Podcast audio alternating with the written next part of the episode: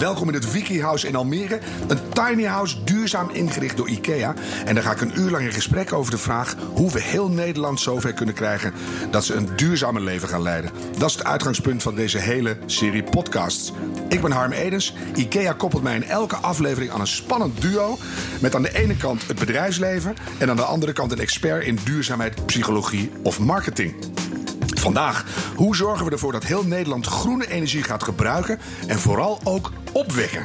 Daar ga ik over praten met Marieke van der Hoek, commercieel directeur van de groene energieleverancier Green Choice. Uiteindelijk is onze missie sowieso dat heel Nederland verduurzaamt. Hè? En dat we met heel Nederland eigenlijk alleen alle energie die we nodig hebben samen opwekken. En met Jan Rotmans, hoogleraar in duurzaamheid en transities aan de Erasmus Universiteit van Rotterdam. En ook nog oprichter van Agenda, een organisatie die Nederland sneller duurzaam wil maken. Ik zeg altijd tegen mensen, als je een radicaal idee hebt en mensen zeggen dat moet je gaan doen, dan moet je het niet doen.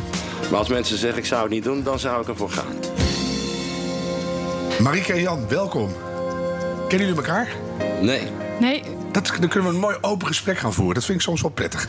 Jan, jij zit al heel lang in de, in de duurzame hoek. De noodzaak zag je al heel vroeg in. Ja. Hoe werd daar een jaar of 20, 30 geleden op gereageerd? Nou, ik heb heel vaak in eh, lege zaaltjes gestaan. Ja.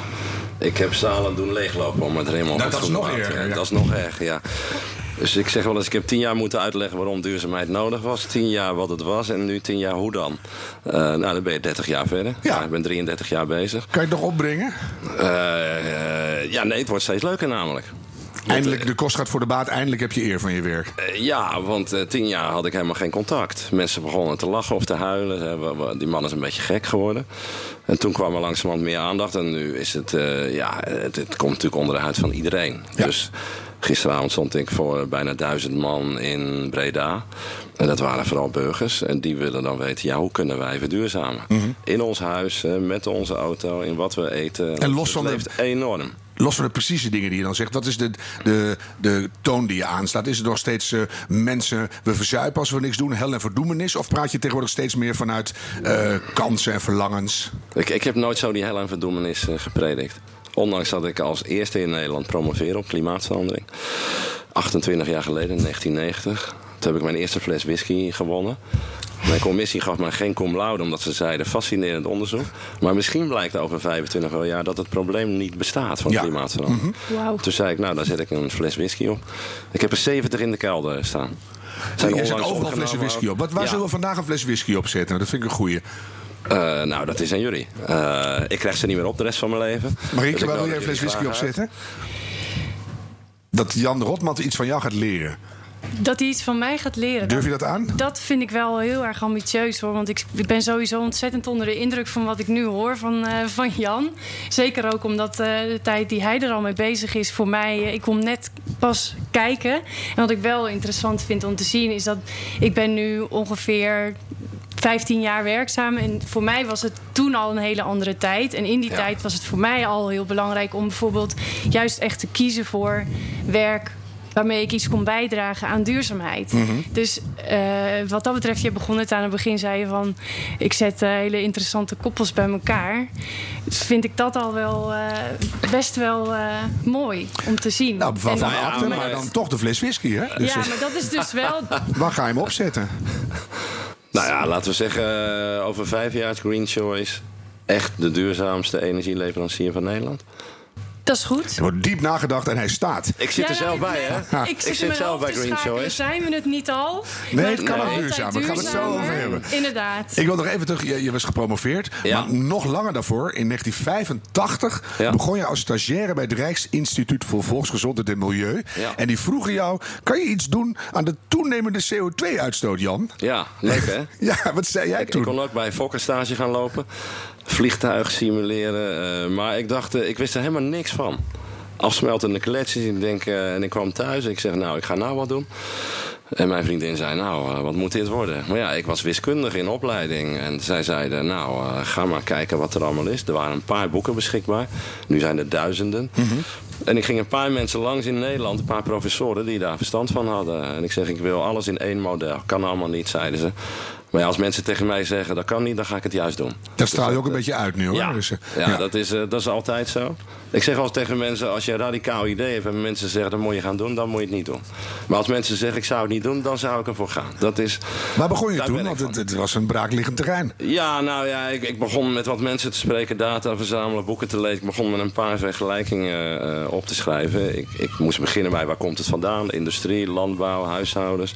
Toen dacht ik, wat gebeurt er dan in de atmosfeer en oceaan? Daar kreeg ik redelijk snel een beeld van.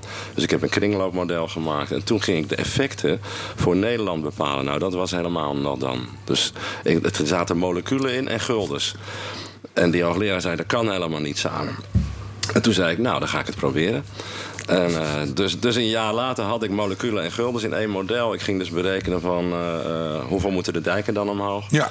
En hoeveel uh, zandsuppleties zijn er nodig om die hoeveelheid zand... Je bekeek het eigenlijk meteen al helemaal integraal. Ja, helemaal integraal. En stond daar een pak fristie op? Of wat heb je En- gewonnen? en, er stond nog geen fles in. Toen was ik nog niet aan de whisky. Fristie, zei ik. Fristie? Ja, voor de whisky. Ik dacht fristie. Oh ja, nee, leuke woordspeling. Ja, dat, nee, maar goed. Kijk, ik, ik, ik ging erop afstuderen. En toen zei mijn directeur, en dat was toen Klaas van Egmond... ook wel een bekende in de duurzaamheidswereld...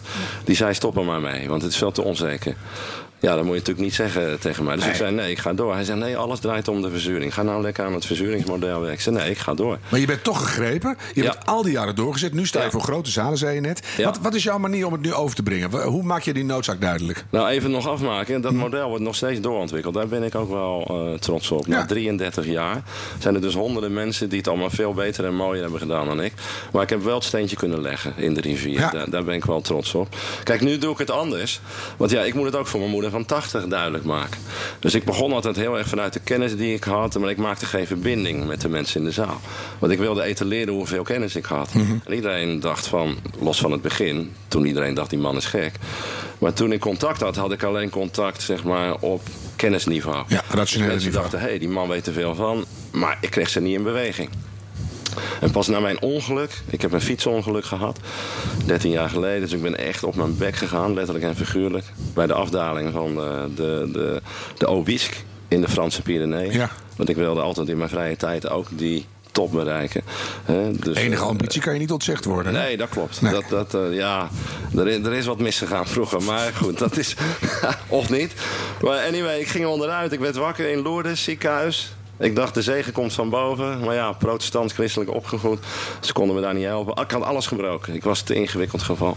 Dus ik had mijn kaken gebroken op tientallen plaatsen. Onder en boven. Mijn gebit was voor een deel weggeslagen. Kaakpot. Neus gebroken. eh, oogkas, eh, jukbeen, alles.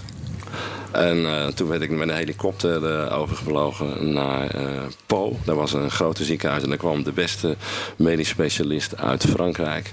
Plastisch chirurg. En die schrok wel. Hij zegt, nou ik schrik niet gauw. En die vroeg aan mijn vrouw hoe ik eruit had gezien. Want ik was onherkenbaar. Dus met fotoreconstructies is hij begonnen. En daarna nog. En toen moest ik wekenlang blijven. Werd ik naar Nederland overgebracht. Toen zag mijn zoontje mij voor het eerst. Die was eh, zeven jaar. Die noemde mij een monster. Die liep gillend weg. En toen eh, ben ik verder gerevalideerd een jaar lang. Ja. En het, het ziet er best eh, aardig uit. ik weet niet hoe je hiervoor was, maar het is goed naar te kijken. ja, mijn Dus- vrienden zeiden, je bent zelfs opgeknapt. Maar Kijk. En ik hou wel van die humor. Ja, maar, maar van binnen voelt het anders natuurlijk. Maar je lag kreeg- volledig in de prak en jij dacht, volledig in de ik ga de wereld redden. Nou ja, ik dacht... ik kreeg voor het eerst eh, ruimte en tijd om na te denken... over wie ben ik eigenlijk en wat wil ik? En toen vroeg ik mij de vraag, doe ik eigenlijk wat ik wil? En toen was het antwoord nee. Want ik stond dus voor kleine zaaltjes, vaak voor wetenschappers. En ik dacht, ik wil de wereld mooier kleuren. Dat was eigenlijk al jong mijn doel. En toen dacht ik, ik moet met de samenleving in contact komen. En toen dacht ik, ik word ook activist. Dus ik word wetenschapper en activist. En toen ben ik scientivist geworden. Dus toen kwam Urgenda en- en- En toen kwam Urgenda en Nederland kantelt. En eh, ja, de rest is geschiedenis. En nu gaat het stukken beter in de wereld. En toch hoor je af en toe ook dit. Well, I'm not a big believer in man made climate change. There could be some impact, but I don't believe it's uh, a devastating impact. Ja, misschien wel de machtigste man op aarde nog steeds. En dan dit, Jan. Word je daar boos van? Nee hoor.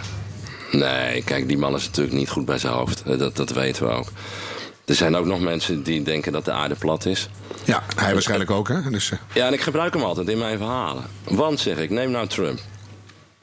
Hij wil eigenlijk dat klimaatprobleem niet aanpakken.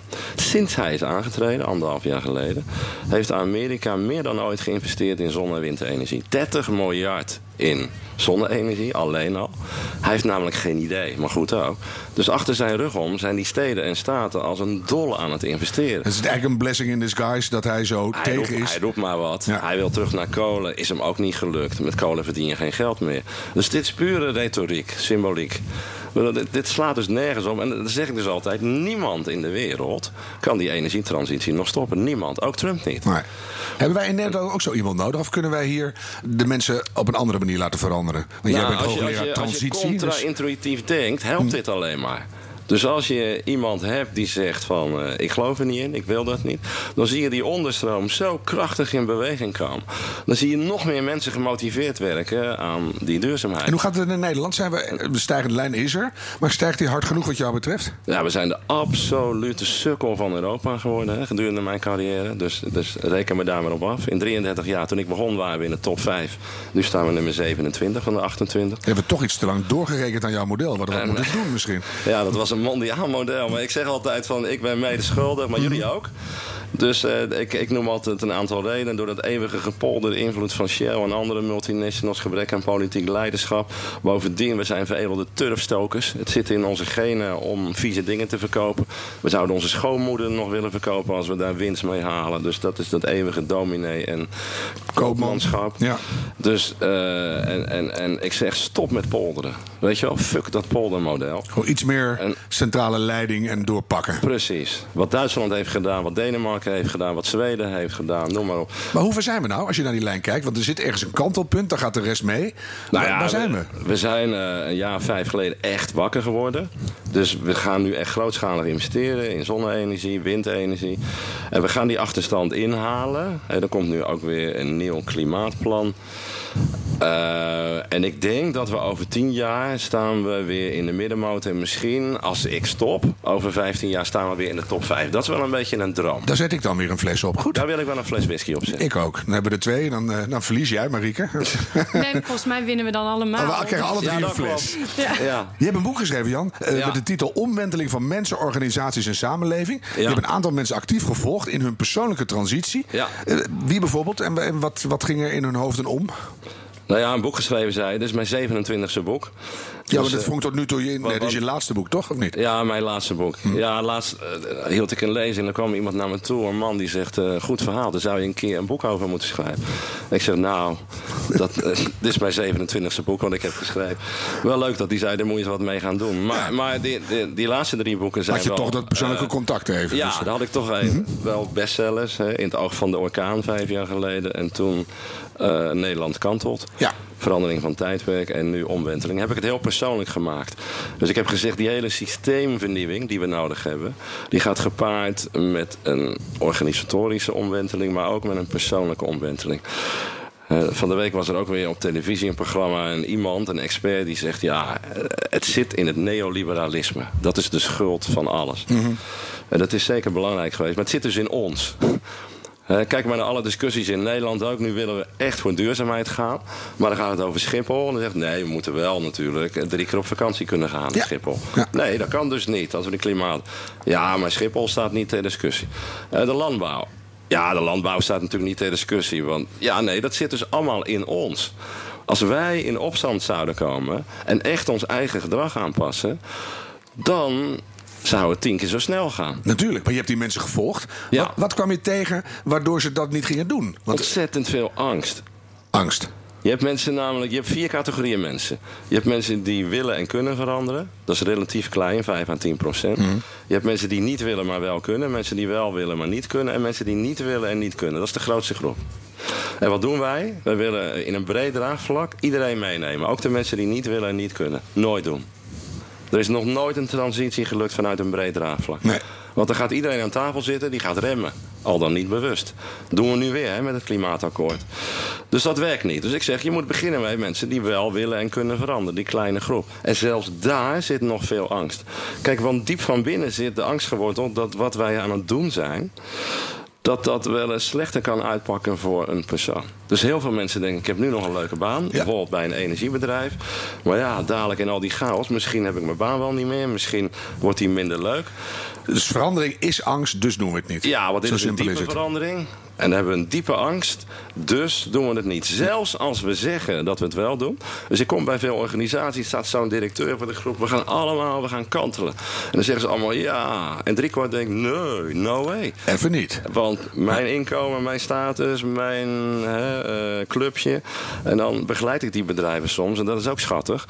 En dan zeggen ze ja. Eh, mijn afdeling gaat goed, maar je moet echt bij die andere afdelingen gaan kijken. Sowieso Daar- beter toch? Eerst bij de, ja, bij de buren daar- beginnen. Die hebben het hard nodig, weet je wel. Zullen we even naar Marieke kijken? Ja, Want graag. jij bent een stuk jonger, dat zei je net al. Maar je, je bent je hele leven eigenlijk al in de duurzaamheid werkzaam. Ja, dat klopt. Ik, ik heb hier een heel lijstje. Eneco, Triodos, Green Choice. Ja, en ook nog e-concern daarvoor. Hoe dat zo? Nou ja, ik heb een, eh, eh, een opleiding gedaan op het vlak van communicatie en eh, commercie. En daarin. ehm, Goed, je groeit gewoon op in een bepaalde wereld waarin, wat mij betreft in elk geval, duurzaamheid iets is wat steeds groter thema wordt. Ik had met mijn opleiding kunnen kiezen om, weet ik het, wat voor producten te gaan verkopen. Dat is uiteindelijk ook waartoe ik nou ja, waar- waartoe ik opgeleid werd. En dat voelde gewoon niet goed. Ik zou, ik zou nooit iets door iemand zijn strot willen duwen. eh, en dan eh, daar vanuit mijn vak heel interessant over na gaan denken. En bedenken van, oh ja, maar ik kan een supermooi creatief idee bedenken. Hele gave campagnes maken. Mhm. Maar hoe komt het dat het bij jou niet, is- niet werkte? Want dat is ongeveer wat iedereen aan het doen is. We kopen voortdurend rotzooi waarvan hele andere dingen beweerd worden. Er is een hele industrie omheen. Nou, daar, daar, daar ben jij in opgeleid. Dat ging je niet doen. Nee, dat wilde ik niet. Waarom niet? Dat voelde niet goed. Weet je ook waarom je dat niet goed voelde? Ehm, nou, waarschijnlijk eh, omdat het ook niet goed is. Ehm, ja, Zou het zo makkelijk zijn, denk je?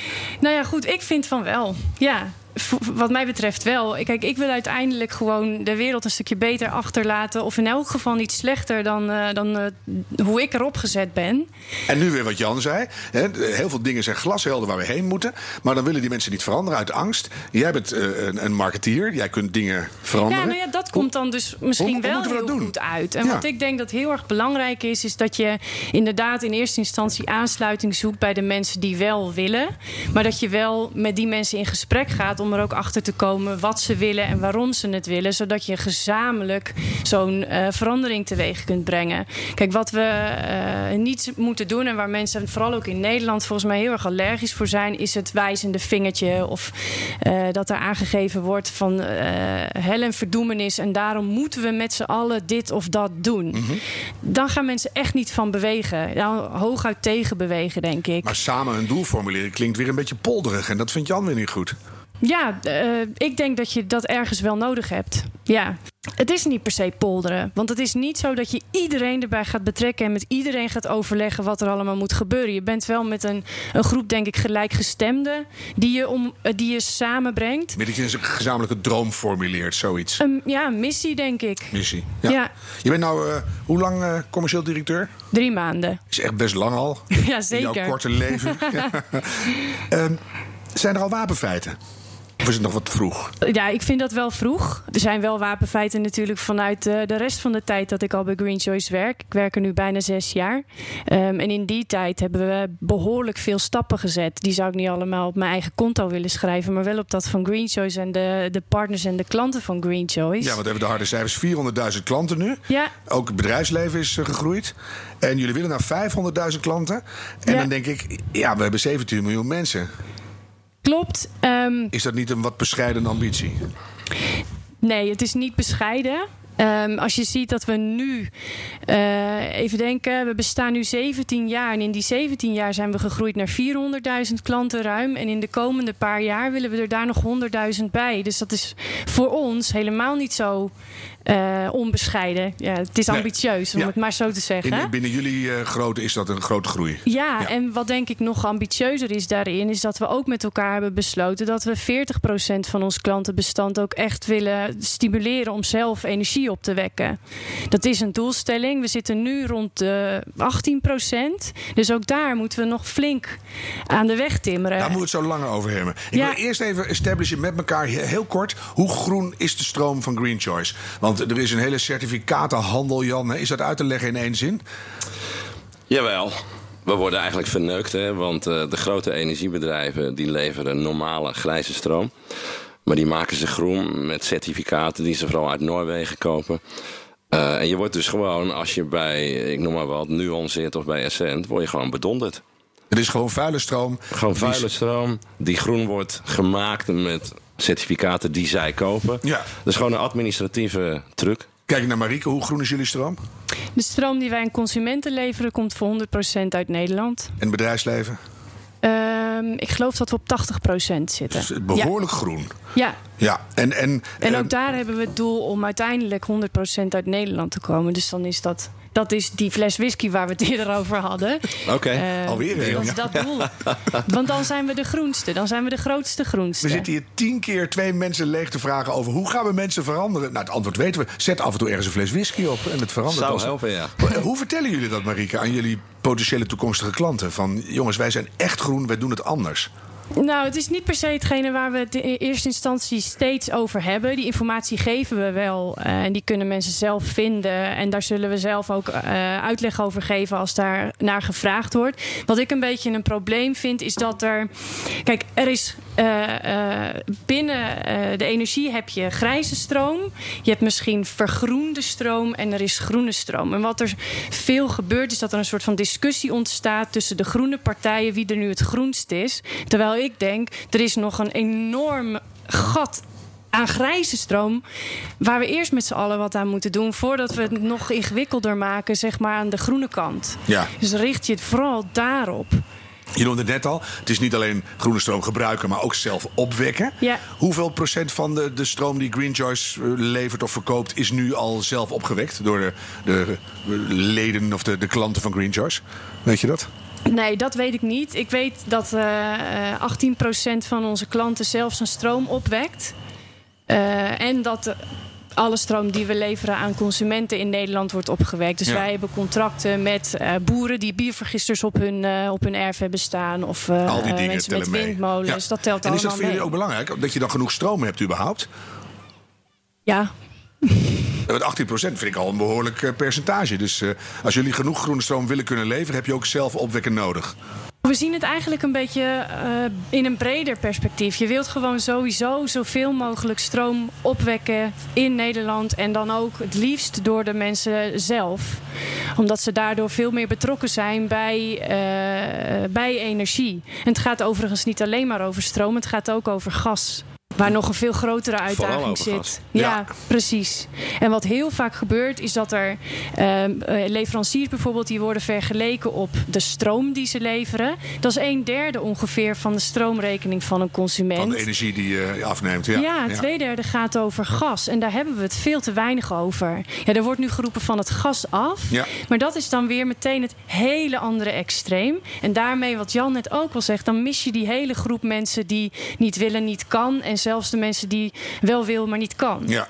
Gaan we het vandaag ook relatief te weinig over hebben. Want we willen echt ons concentreren op hoe krijgen we die zonnepanelen op die daken. En hoe gaan mensen zelf opwekken. Is dat een logische stap? Dat je eerst aan de groene stroom gaat ergens. En dat je dan op een gegeven moment denkt: hé, hey, ik heb groene stroom. Nu wil ik het zelf ook opwekken. Wat is jullie ervaring? Het is veel laagdrempeliger natuurlijk om gewoon eh, groene stroom af te gaan nemen bij een leverancier. Dat is laagdrempeliger dan in te investeren in zonnepanelen op Ja. je dak. Maar ik kan me ook wel voorstellen dat, dat iemand dat in één eh, beweging doet. Dat hij eh, nog bij een van de traditionele leveranciers zit of op grijze stroom zit, besluit om zonnepanelen te nemen en dan vervolgens ook direct zorgt dat de rest van zijn stroom eh, duurzaam wordt opgewekt. Mhm. Dat zou kunnen, maar ja. Wat is jouw ervaring daarbij, Jan? Is dat een logische stap? Eerst groene stroom, eh, dat je denkt: heet bevalt. En dan, hup, zelf ook opwekken? Nou ja, je moet groot denken, hè? anders denken. Groot denken, klein doen. Dus in de toekomst wordt elke woning, elk huis, wordt een energiecentrale. Dat moet het uitgangspunt zijn. Hè, We hebben het over energie-neutraal, maar ook dat is maar een tussenstap. Dus als je over 30 jaar hier rondloopt, heb je allemaal kleine energiecentrales. Daar werken we naartoe. En nu zijn we de eerste stappen aan het zetten. Nou ja, uh, duurzame stroom is belangrijk. Dat je dat zelf opwekt is eigenlijk niet meer dan normaal. Maar kan het niet gewoon Alleen, uit de we moeten dat nu niet gaan terugleveren aan het net, wat we nu doen. We moeten het zelf gaan opslaan natuurlijk in batterijen. Maar kan het niet van de Noordzee? Waterstof, klaar, iedereen energie. Ja, dat is ook zo'n hype ineens. Waterstof. wel op die daakjes, denk ik dan. En, en, en, maar waterstof is vooral een nuttige optie voor de industrie. Mm En het duurt nog zeker wel 10, 15 jaar voordat we die infrastructuur opbouwen. Maar uh, mensen die in een woning uh, zitten, laten die vooral nou niet aan waterstof beginnen. Weet je wel, dat het, in die 30 jaar heb ik elke 10 jaar wel een technologie zien langskomen waar, waar experts van zeiden dat gaat om worden. We hebben het met kernfusie gehad en we hebben het de koude met de warme, met thorium, met noem maar op. We hebben nou eindelijk de middelen om woningen van het gas af te halen en duurzame stroom te voorzien. Ja. Laten we dat nou gewoon 20 jaar gaan doen. Zullen we daar nu even vanuit gaan in het gesprek? Vind ik ook goed. Ja. Hoe, hoe krijgen we die mensen, die, die gewone gebruikers, zover dat ze dat ook echt gaan doen? Laten we uitgaan van Green Choice. Ja. Dat bedrijf dat wil dat graag, Marieke, toch? Ja, ja absoluut. Ja. Hoe ga je nou uh, uitbreiden? Je zei er moeten honderdduizend klanten bij. Wat wordt het verhaal naar die mensen toe?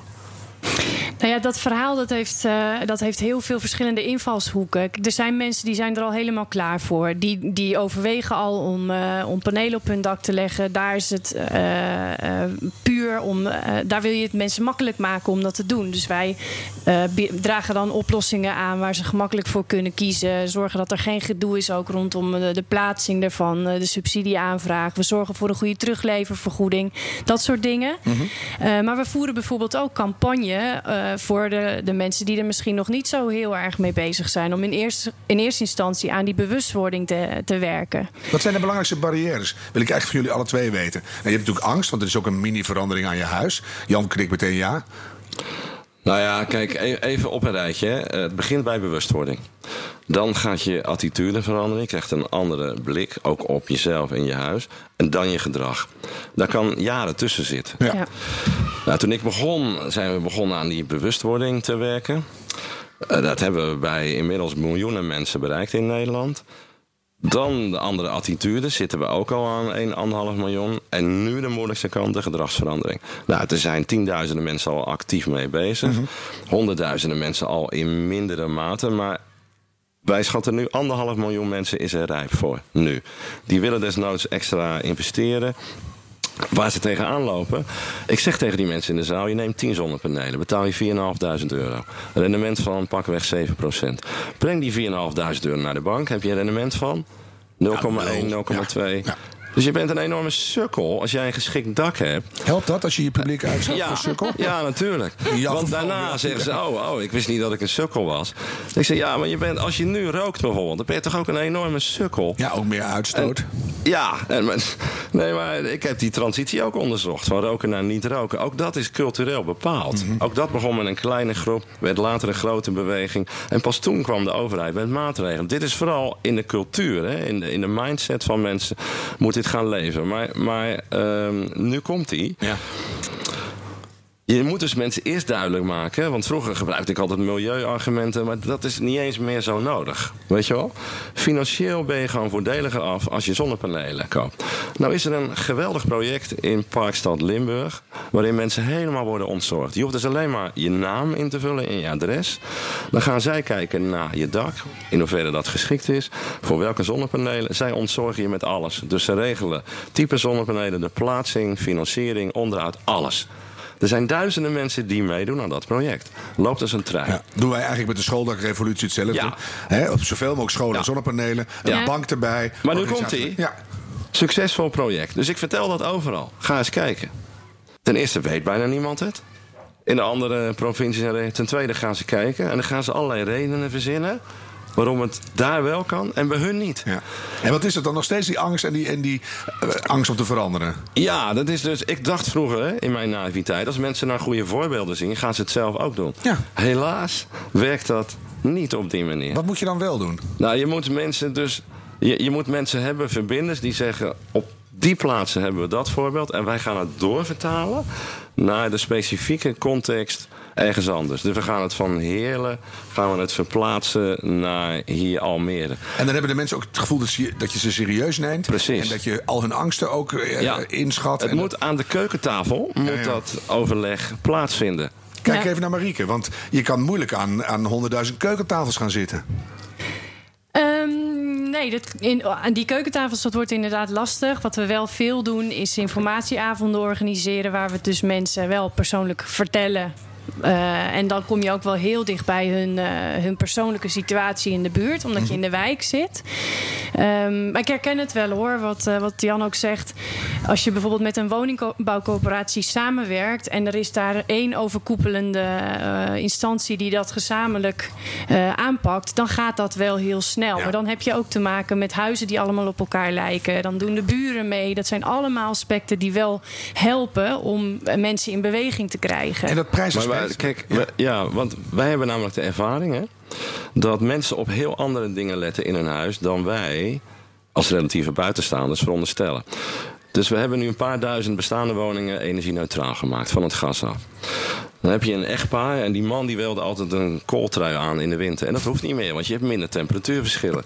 Dus die man loopt te klagen. Ja, ik wil mijn kooltrui aan, maar dan krijg ik het te warm. Die vrouw is blij, die man niet, krijgen ze ruzie.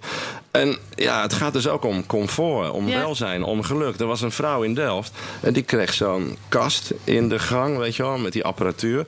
En wat deed ze? Alle rotzooi in die kast. Dus die zegt, kijk eens, het is mooi opgeruimd. Dat was voor haar de winst.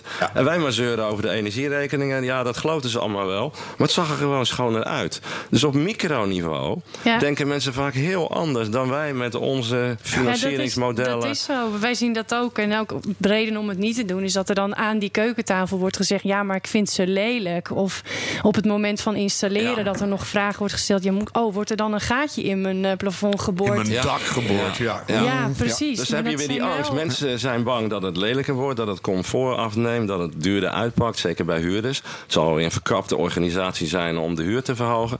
Dus dat is weer die angst. En die moeten we dus overwinnen, ook op een niet-rationele manier. Maar misschien ook af en toe toch ook rationeel met goede informatie. Ja, goede Ja. informatie helpt voor de heel veel mensen de denken nog steeds dat zonnepanelen peperduur zijn. Hè? Ja. Terwijl, eh, Ja. nou luister even naar het volgende fragment. Prijs van de zonnepanelen wordt ondertussen steeds lager. Voor een set van 10 panelen en een omvormer betaal je nu zo'n 4400 euro. In 2006 was dat nog bijna 12.000 euro. Ja. Ja. Hoe belangrijk Maar- is dat, dat je die goede Nou ja, informatie geeft? Maar ja, dat is heel belangrijk. Hè? Het is een noodzakelijke voorwaarde. Maar ook dat is niet genoeg.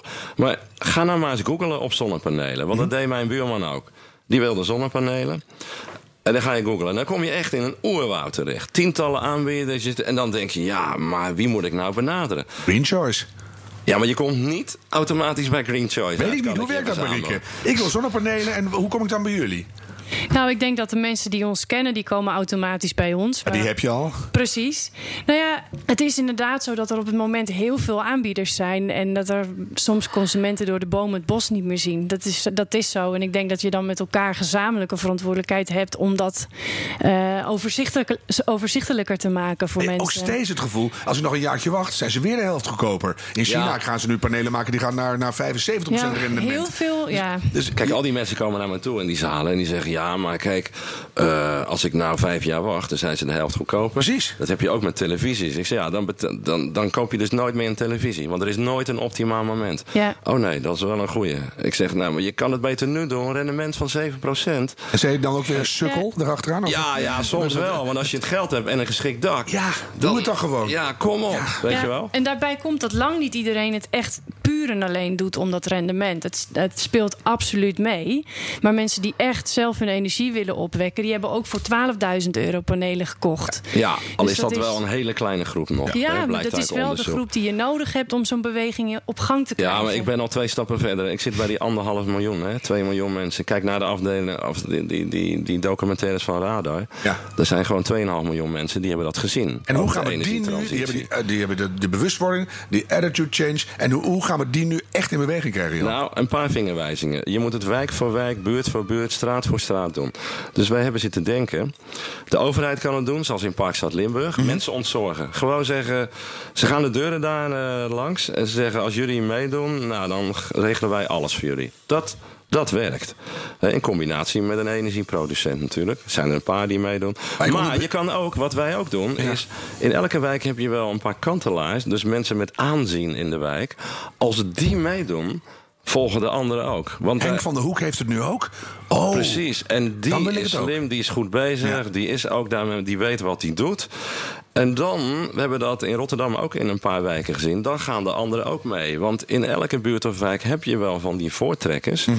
Dus je moet het ook bijna als een sociologisch fenomeen zien. Hoe belangrijk zijn de netbeheerders hierin? Want ik heb wel eens een rollenspel gespeeld met de, de Allianders en eh, noem maar op. En eh, dan, dan bleek inderdaad dat de, de, de belangrijkste mensen in de buurt belangrijk waren. Ja. Maar er zaten ook echte graftakken tussen. Die zeiden: Ik heb net een nieuwe ketel. Ik eh, wil nog helemaal niet van het gas af. En die panelen komen er ook niet op. Ja, en die- en die je dus- blokkeren de hele buurt. En het, en het tempo moet dus niet bepaald worden door die graftakkers, maar door degenen die wel willen en En kunnen. hoe doe je dat dan?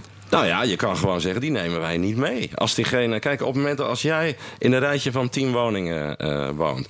en de andere negen hebben wel zonnepanelen of hebben dadelijk een warmtepomp en geen gas meer. en jij niet, dan ben je echt een sukkel van de straat hoor. Op een gegeven moment wordt het ook gewoon afgesloten. Dan moet je het lokaal opwekken. En dan, dan, Ja, nou dan doe jij maar niet mee. Maar, 11 eh, zit in de kou. We zijn nu bezig met allerlei buurten en wijken om de mensen die het echt blokkeren, dan maar gewoon buiten te sluiten. Ik kijk even naar Marieke. Klinkt dat goed? Nou, buitensluiten klinkt wat mij betreft niet goed. Want uiteindelijk moeten we met z'n allen wel mee. Maar ik denk wel dat je je moet focussen op de mensen als eerste die willen. Ja, maar die hebben we nu. En dan gaat die groep. Nou, die hebben we nog lang niet. Oké. Nee, maar we zijn, wel, we zijn nu echt verder. We, zijn, we kunnen nu niet alleen maar met de mensen die willen en kunnen. We, we zitten nu bij dat middensegment. Hè? Dus de koplopers hebben we gehad. Jij kan zeggen, die hebben we niet allemaal. Oké, maar dat vind ik nou niet zo interessant. Ik ga naar die anderhalf miljoen mensen toe. Maar hoe dan? Die, die twijfelen. Nou, dat zei ik toch al. We gaan het wijk voor wijk, buurt voor buurt doen. Aan de ene kant per wijk een gemeenschappelijk plan. Aan de andere kant aan de keukentafel uitleggen wat er gaat gebeuren. Verschillende opties voorleggen. Dat moeten we nu gaan doen. Als we twee. We hebben twintig jaar. Om alle 7 miljoen woningen dadelijk duurzaam te maken. Dat betekent 2000 per dag, hè? Ja. Dat kan je niet met jouw strategie doen met de mensen die alleen willen. Nee, dat zijn er 2000 per dag, 20 jaar lang. Ja, ik denk wel, dat is, mijn strategie is niet alleen de mensen die willen. Maar ik denk wel dat je die het hardste nodig hebt om nu nog mee te bewegen. die maar heb je niet meer willen nodig. En, en kunnen zijn al verschillende dingen. Daar, daar ben ik mee begonnen. Ja. Eh, Ik heb gezegd willen en kunnen. Maar je bereikt nu ook de mensen die wel willen, maar niet kunnen. Of andersom. Die, de- dat, die horen bij die anderhalf miljoen. Dat zijn ja, niet alleen maar de en wat mensen mij die willen en betreft kunnen. ook. Dus dat, dat wilde ik wel even verhelderen. Ja, dat, dat, Ik- dat- jij dus zegt die- het is jouw zijn het strategie, maar voor Ja, Daar maar daar, eerlijk gezegd, dat, dat zei ik ook in het voorgesprek. Dat mis ik wel een beetje bij Green Choice. Mhm. Kijk, we zitten echt op wijk- en buurtniveau. En dat gaat dit jaar al los. Want ik kom in bijna alle gemeenten in Nederland. En daar hebben we een strategie en een plan voor nodig. En daar hebben we dus ook gewoon start-ups, energieleveranciers voor nodig. Ik heb het geprobeerd via Eneco. Nou ja, dat, dat lukt dan toch niet. Maar wie in die wijken gaan die mensen daarbij helpen? Dat, dat, we hebben ook gewoon, eh, los van de netbeheerders. Want ik heb een elektrische oplaadpaal. Hè, heb ik in de straat laten plaatsen. Dat duurde zeven maanden. Heb ik over geklaagd. Waar woon je? Stedin, Rotterdam, Oh ja. Kralingen. Inmiddels duurt het vier weken. Ja. En volgend jaar waarschijnlijk vier dagen. Kijk, daar zit een enorm tempoversnelling door de druk die wij uitoefenen. Mijn straat in Maar- gaat er helemaal uit. Ik hoop dat ze nu alle plekken elektrisch maken. Ja. Bij deze even genoemd. Ja. Maar wie, welke bedrijfjes gaan die mensen helpen in al die huizen met het isoleren, met die zonnepanelen, met die warmtepompen? We hebben een schreeuwend gebrek aan vakmensen die dat gaan doen. Ja. En Dus hoeveel die hebben we vacatures hebben elke we nu? dag nodig. 30.000 al en zo. Dat Ja, we komen er waarschijnlijk 50.000 tekort de Ja. komende jaren. Maar nu kijk even naar Marieke. Hè, je- je- jij bent in je gevoel nog ietsje trager aan het ontwikkelen dan Jan. Maar eh, uiteindelijk rennen jullie achter dezelfde klanten aan. Wat ga je doen de komende jaren? Nou ja, waar wij ook wel heel erg op inzetten is de lokale eh, verduurzaming. Dus wij zijn nu partner van 50 of misschien nog wel meer eh, lokale energiecoöperaties. En dat zijn ook wel die mensen die Jan net, net noemt. Dat zijn de mensen in de wijken die zich als eerste boos maken over hier moet iets veranderen. Die ook de kar gaan trekken. Maar kortsluitend, nu gaan die wijken erachteraan. Want Jan komt Ja, langs. En absoluut. dan komt Marjan Minnesma erachteraan. Dus ik heb ook een plan voor de volgende wijk. Nou, die wil net zo snel. Ja, dus die- dat- die wil dat, nog sneller, denk ik. eh, ja, die wil in 2030. Maar dat, dat Nee, lukt maar goed, dan niet. Maar goed. ik laat hem even met Marieke. Ja. En, en, al die wijken gaan nu plop, plop, plop eh, achter elkaar aan met die plannen aan de slag. Wat, wat kan de rol van Green Choice daarbij Nou zijn? ja, wij faciliteren die mensen in. eh, ehm, nou ja, er zijn denk ik een aantal dingen die ze heel goed zelf kunnen doen. En er zijn een heleboel dingen die ze niet zelf zouden moeten willen doen. Bijvoorbeeld eh, administratie. Kijken naar hoe je uiteindelijk gaat factureren. Dat soort zaken. Dat is eigenlijk meer een kerntaak van bijvoorbeeld een energieleverancier.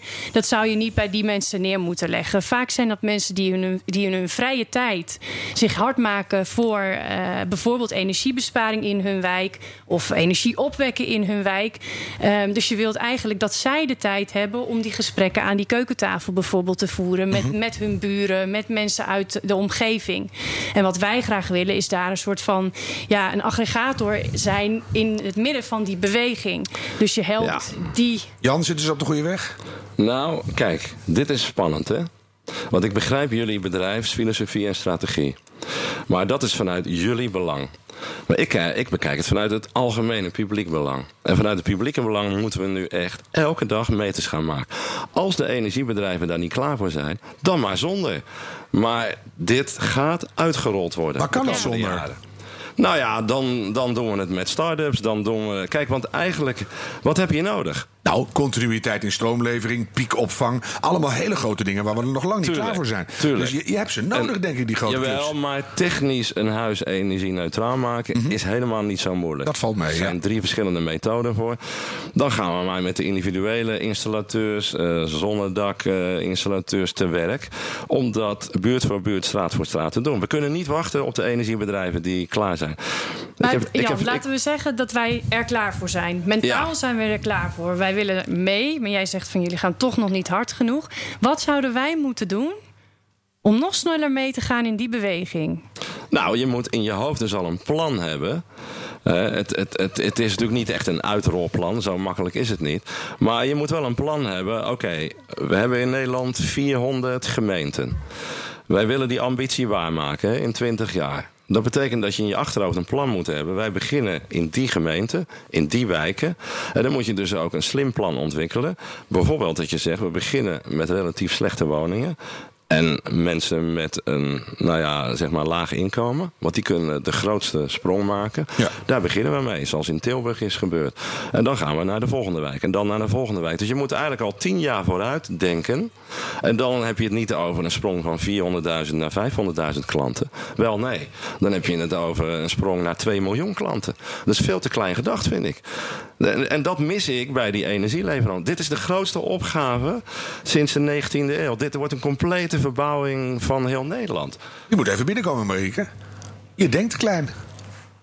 Ja, ehm, dat komt inderdaad. Ik denk eh, ja en nee. Want we denken ook realistisch. En wij willen wel zorgen dat datgene wat we eh, willen doen, dat, we, dat dat ook een haalbare kaart blijft. 2 miljoen klanten vanuit 400.000 klanten. Dat is echt zo'n gigantische stap.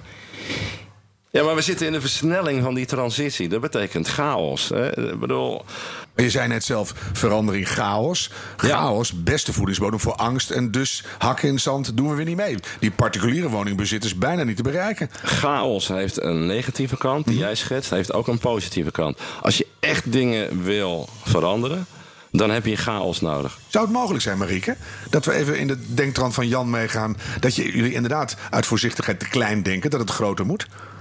Uiteindelijk is onze missie sowieso dat heel Nederland verduurzaamt. Hè? En dat we met heel Nederland eigenlijk alleen alle energie die we nodig hebben samen opwekken. Maar wij, ik heb het nu over een, een periode van twee jaar gehad. Ja, En denk eens over 20 jaar. Uiteraard. ja maar ik denk, ik verder. denk op langere termijn. Dat is Ja. ook mijn vakgebied. Groot denken, klein doen. Ja, En, en dat moet samengaan. Nou, dat mis ik bij de energiebedrijven. Ik ben zeven jaar geleden bij de grote energiebedrijven langs gaan. Bij de Nuons en de Essence. En heb ik leer, andere hoogleraren meegenomen. Ik denk, anders ben ik het weer. Nou, dus steeds met vijf hoogleraren naar die bedrijven. Hebben ze gewaarschuwd voor de toekomst. Dat doe ik nu ook bij jou. En toen zeiden ze na afloop van, eh, mooi verhaal. Maar als we naar jullie luisteren, gaan we failliet. Ik zei, nou is goed, dan gaan we jullie volgen. En al die beurskoersen sindsdien zijn met 80% gekelderd. En dat hele energieveld, dat wordt een slagveld. Als jullie het niet doen, dan gaan de start-ups je links en rechts voorbij die het doen. Want ja, wat heb je nodig? Vraag en aanbod koppelen. Eigenlijk heb je een soort Uber nodig op energiegebied. Want je hebt geen assets meer nodig. Vraag en aanbod. Zorgen dat het gaat lukken. Ja. En zo groot jullie na mogelijk afloop denken. even heel lang in gesprek met elkaar. Ja, dat, Hebben- eh, dat ja, ik moet dan weer door. Maar, Nee, maar ik zit zelf bij Green Choice, hè. Dus, eh, Je hebt toch je hebt wel een ik- auto ik met chauffeur, zag ik. Eh, Dus je- je ja, hebt een ze kan op de achterbank Ja, ik heb geen mee. rijbewijs. Ja, nou, graag. Eh, graag. Maar nu nog even die overheid. Die missen nog een beetje in het verhaal. Wat hebben we nou nodig om dat nog te versnellen? Ik haal vaak het voorbeeld aan dat toen asbest de, de wereld uit moest. Toen zei iedereen, nou is te lastig, beginnen we niet aan. Doe eh, 50 jaar, 100 jaar. Totdat de overheid riep, asbest moet eruit. En toen ging het ineens. Dus wat, wat hebben we nodig uit Den Haag? Oef, in een paar zinnen. Eh, maar vul maar aan, als je wil. Maar ik ga geen overheid bashen, want ja, dat, eh, weet je dat is de circle of Ja, blame. Nou, dat is ook eh, weer sukkels, toch? Of niet? Eh, ja, nou ja, kijk, daar verandert ook veel. Maar even heel kort. Toen ik mijn carrière begon, liep ik elke dag in Den Haag. En daar vroegen die mensen mij en die ministeries... hoe krijgen we nou de mensen mee? En de regio's. Tegenwoordig loop ik elke dag in gemeenten. En dan vragen de mensen mij, hoe krijgen we nou Den Haag mee? Nou, dat is in 30 jaar dus veranderd. En Den Haag moet het dus niet gaan organiseren, moet het niet gaan regisseren. Want dat hadden ze eerder moeten doen. Maar we moeten het wel mogelijk maken. Wat heb je nodig? Nou ja, er zit nog steeds wet en regelgeving in de weg. Eh, je kan het mensen veel aantrekkelijker maken. Ik heb mijn eigen huis geprobeerd te verduurzamen. Maar in mijn hypotheek daar merk ik daar niks van. Ik ben dus eerder bestraft dan beloond. Het heeft mij bijna een ton gekost. Ik word daarvoor niet beloond.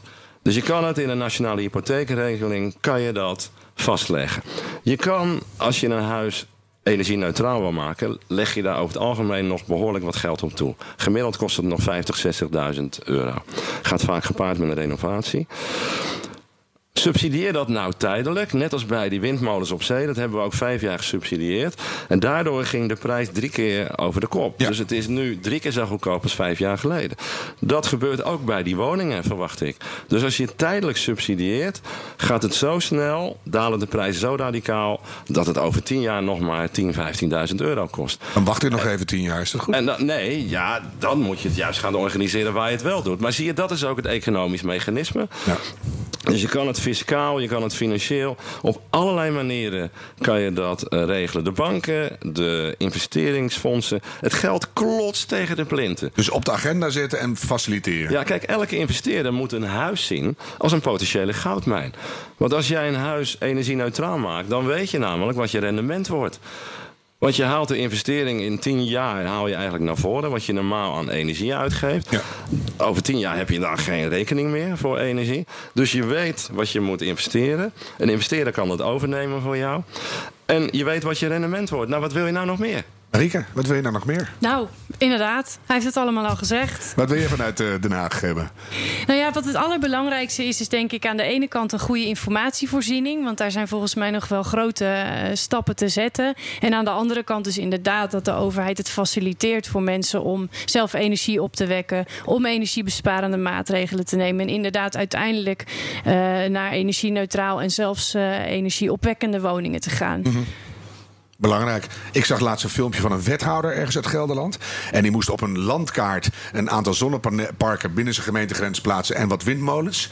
Hij begon met de zonneparken er vast even buiten te leggen bij de buurtgemeentes. Ja. En toen wat windmolens, die gingen ook niet. Uiteindelijk was het allemaal een probleem voor de buren. En Ja. ik denk van, het is voor jullie Ja. af en toe ook heel lastig samenwerking met de overheid. Zeg ik dat eh, voorzichtig genoeg? Eh, ja, maar nogmaals, het zit in ons. Hè? Dus, dus wat je nu krijgt, vind ik ook wel weer leuk. Hè? Dat is ook een beetje de transitiepijn. Eh, A, we gaan met z'n allen twee, drie keer meer betalen voor de energierekening. Hè? Bereid je maar voor. Dus iedereen die zegt van gratis energie in de toekomst. Ja, over 20, 30 jaar. Maar nu niet, de komende 10 jaar. Want we moeten een hele nieuwe infrastructuur gaan opbouwen. Hè? Slimme oplaadpaal, eh, elektrische auto en een woning, net als in Lombok. Dat worden de, de energiedriehoekjes van de toekomst. Twee, we gaan nu overal zonneparken aanleggen. 200 plannen. En wie zitten daarachter? Investeerders uit China, Engeland, Duitsland. Die kijken alleen maar naar het rendement. De boeren die lachen, dat willen wij ook. Het rendement van zonnepanelen op je erf is groter dan van welke eh, product dan ook. Dus, nou, de gutto-bescherming doet het ook goed. Ja, 4% van onze daken die geschikt zijn, ligt maar vol. 4%. Dus we zijn net begonnen met die daken.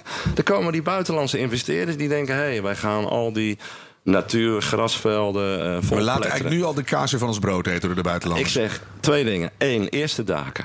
Ja? Dan nemen we de braakliggende terreinen, vuilstortplaatsen, eh, bedrijventerreinen. Dan gaan we langs de wegen en de spoorrails bouwen. Hebben wij met Urgenda tien jaar geleden al een visie voor ontwikkeld. En dan hebben we genoeg grond. Maar ga nou geen natuurgebied opofferen of landbouwgebied. Kom op, doe even normaal, mensen. Ik vind het fijn dat het nou eens hardop Ja. gezegd wordt. Dankjewel, Jan.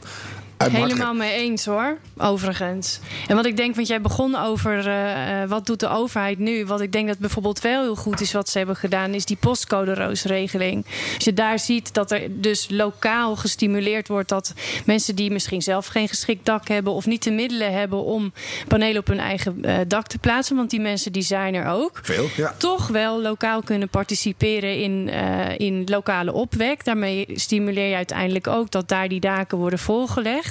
En die mensen krijgen een korting op hun energiebelasting. Wat dus uiteindelijk wel, wat mij betreft, een voorbeeld is van een, eh, een maatregel die de overheid uiteindelijk treft om. Ja, wel een kleine kanttekening, want ik ken degene die dat heeft bedacht. Hè? Peter Albert van eh EZ, inmiddels weg. Ik heb hem vervloekt. Ik zeg, hoe kan je nou zo'n ingewikkelde regeling gaan? Want die postcode-roodsregeling, niemand begreep hem van die Ja, energiecoöperatie. een versimpeling zou En- welkom ja, zijn. Dat was echt zeker. drie kwart is Ja. afgehaakt. Die mensen gingen zich daarover buigen. En ik zeg, postcode-regeling, dat doe je dus inderdaad om brieven hè, te versturen. Maar niet om zonnepanelen of groene stroom op Ja, te het wekken. idee was leuk. Als je geen goed dak hebt, kan je in de buurt toch meedoen, Jan. Dat, dat zie je toch ook. Ja, maar het is nodeloos ingewikkelde administratie geworden. Echt waar. Het had veel eenvoudiger gekund. Ik denk dat het vanaf nu simpeler wordt, hoor. Want iedereen luistert. We zijn ja, al, ik eh, neem aan dat iedereen luistert. Ja. Voordat ik jullie uit dit wikihuis laat, wil ik Ja. eigenlijk nog een hele persoonlijke tip. Dat is een soort traditie aan het worden hier. Dus wat kunnen we, als we nu zitten te luisteren, vandaag nog of begin morgen, echt wezenlijk verduurzamen aan ons leven en dan uit je eigen praktijkervaring? Ja, daar hebben mensen ook geen idee van. Hè? Dus als je nou kijkt, wat draagt nou het meeste bij aan een onduurzame economie en samenleving?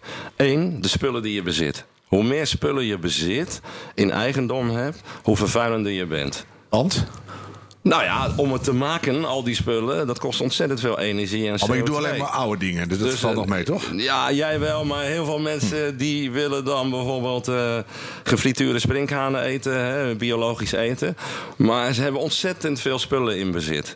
Nou, dat is de grootste factor. Spullen. Eh, spullen, hè, daar kan je wat aan doen. Hoe minder je bezit, hoe leuker je leven wordt en hoe kleiner je rugzak. Daar, daar zit het hem in. Is een aflevering hier, hè? Met peer B en met allerlei deeleconomie dingen. Klopt, klopt. En, en, en eh, twee is eh, toch wel het eten. hè, heel belangrijk, vlees eten.